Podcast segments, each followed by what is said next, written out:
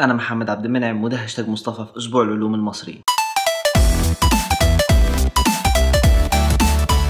Hi السلام عليكم ازيكم عاملين إيه تمام الحمد لله يا رب دايما. تعرفوا ناس كتير مش عارفيني. بس دلوقتي من 17 واحد فاكتوا على الحلقات اللي فاتت يبقى الحمد لله تعرفوا تفهموا الحلقة دي كويس جدا. ركبت وجود دي ربنا يستر. أينشتاين في نظرية النسبية بتاعته قال إن مفيش حاجة تقدر تعدي سرعة الضوء اللي هي 300 مليون متر في الثانية. دي تعتبر سرعة كبيرة جدا. وبناء على النظرية دي تم حساب مسافة بسرعة الضوء. فلما أقول إن في حاجة تبعد مسافة سنة ضوئية فمعناها إن هي تبعد 9 بليون و460 مليار كيلو متر بس خلونا متفقين على إن سرعة الضوء هي السرعة النهائية ومفيش حاجة تقدر تتخطاها. وأي محاولة للسفر بسرعة تقارب لسرعة الضوء هي معناها محاولة للسفر عبر الزمن. لكن السفر بسرعة قوية دي هو سفر للمستقبل. كل ما الشخص هتزيد سرعته كل ما هتزيد نسبته في إن هو يمشي في الزمن أسرع مقارنة بأي شخص واقف في سرعة ثابتة. فأنت لو عايز توقف الزمن بتاعك وما تخليهوش يتحرك لازم تقف وأنت ساكن. وما ينفعش تقف ساكن على كوكب الأرض لأن كوكب الأرض هو نفسه بيتحرك. فأنت لازم تقف في نقطة في الزمن وتقف فيها الثابت وطريقتها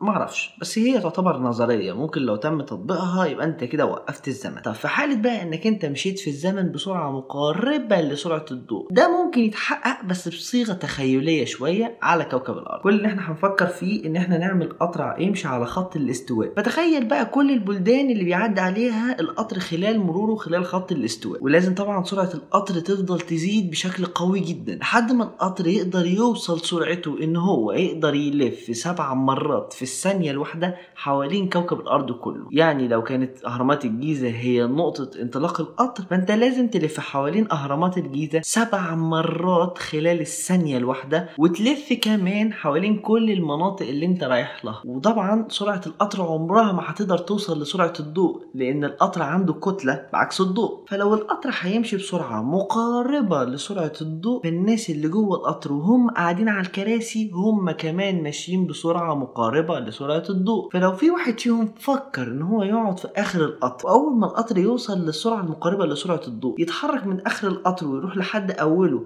على أمل إن هو يزود على سرعته جوه سرعة القطر.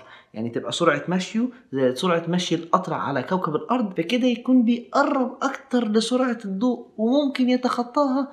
الفكرة دي مستحيلة تماما. وده لأن سرعة القطر لما بتزيد بنسبة قوية جدا اللي بتقرب بيها لسرعة الضوء بتؤدي إلى أن الناس اللي قاعدة جوه القطر الزمن بتاعهم بيكون بطيء. فلما يجوا يتحركوا بأقوى سرعة عندهم خلال الوقت الطبيعي على كوكب الأرض هما بيكونوا أبطأ لأن الزمن عندهم أبطأ فسرعتهم كمان بتقل. فده اللي بيحافظ على إن سرعة الضوء هي السرعة القصوى.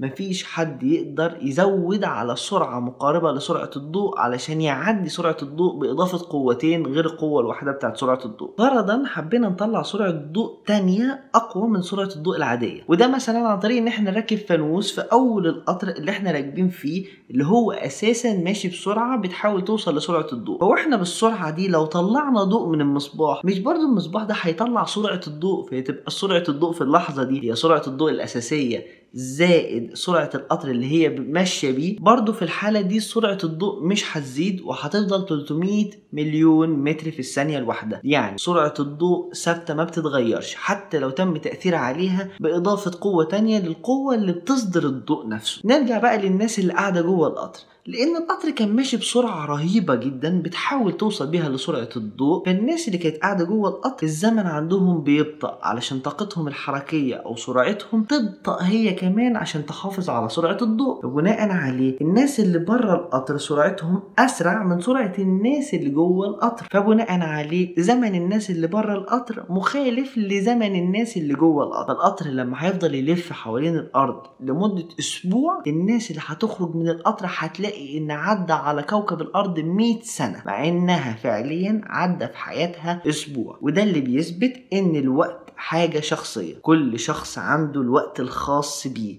بيختلف باختلاف الظروف المحيطة بيه. فأنت ما ينفعش إنك تقارن الزمن بتاعك بزمن أي شخص تاني إلا لما أنتوا الاتنين تكونوا متشابهين بنفس الظروف زي بعض بالظبط. ففكرة إن في شخصين هما الاتنين متشابهين في نفس سرعة الزمن أو نفس مدة الحياة هي هي دي حاجة شبه مستحيلة. لأن كل شخص عنده الوقت بتاعه بيتحكم بيه في اختلاف تحكمه بسرعته في حياته. يعني لو انت طول حياتك بتركب العربية وطول حياتك ماشي بسرعة عالية هتختلف تماما عن سرعة الشخص اللي يفضل قاعد. هي حاجة ممكن يكون اختلاف بسيط مثلا بسرعة العربية ما بين الشخص اللي قاعد. بس في نظرية اسمها تأثير الفراشة. اختلاف بسيط ما بين كل واحد واحد مع تكرار الاختلاف البسيط ده بيؤدي لاختلاف كبير. التأثيرات البسيطة لما بتتجمع بتعمل تأثير كبير جدا. فممكن أي تأثير بسيط في حياتك أنت تكون حاسس إن هو مش مؤثر في حياتك. كل مرة بيتكرر يتكرر يتكرر يتكرر بيؤدي إلى إن تأثير كبير جدا. أنت ما كنتش حاسس بيه في البداية وده ممكن يحصل باختلاف الزمن أو اختلاف أسواق المال أو اختلاف تفكير شخص أو حتى تغيير في حياتك بشكل جذري. وبكده نكون وصلنا لنهاية الحلقة. فيا أيها ال 17 واحد ادخلوا على هاشتاج مصطفى واكتبوا لي إيه العمر اللي أنتوا عاوزين تسافروا للمستقبل علشان تشوفوا نفسكم فيه. وفي الختام اعملوا like و subscribe و share واعملوا like كمان لصفحة أسبوع العلوم المصري. كان معاكم محمد عبد المنعم من هاشتاج مصطفى في أسبوع العلوم المصري. سلام. أسبوع العلوم المصري مصر بتتكلم علم.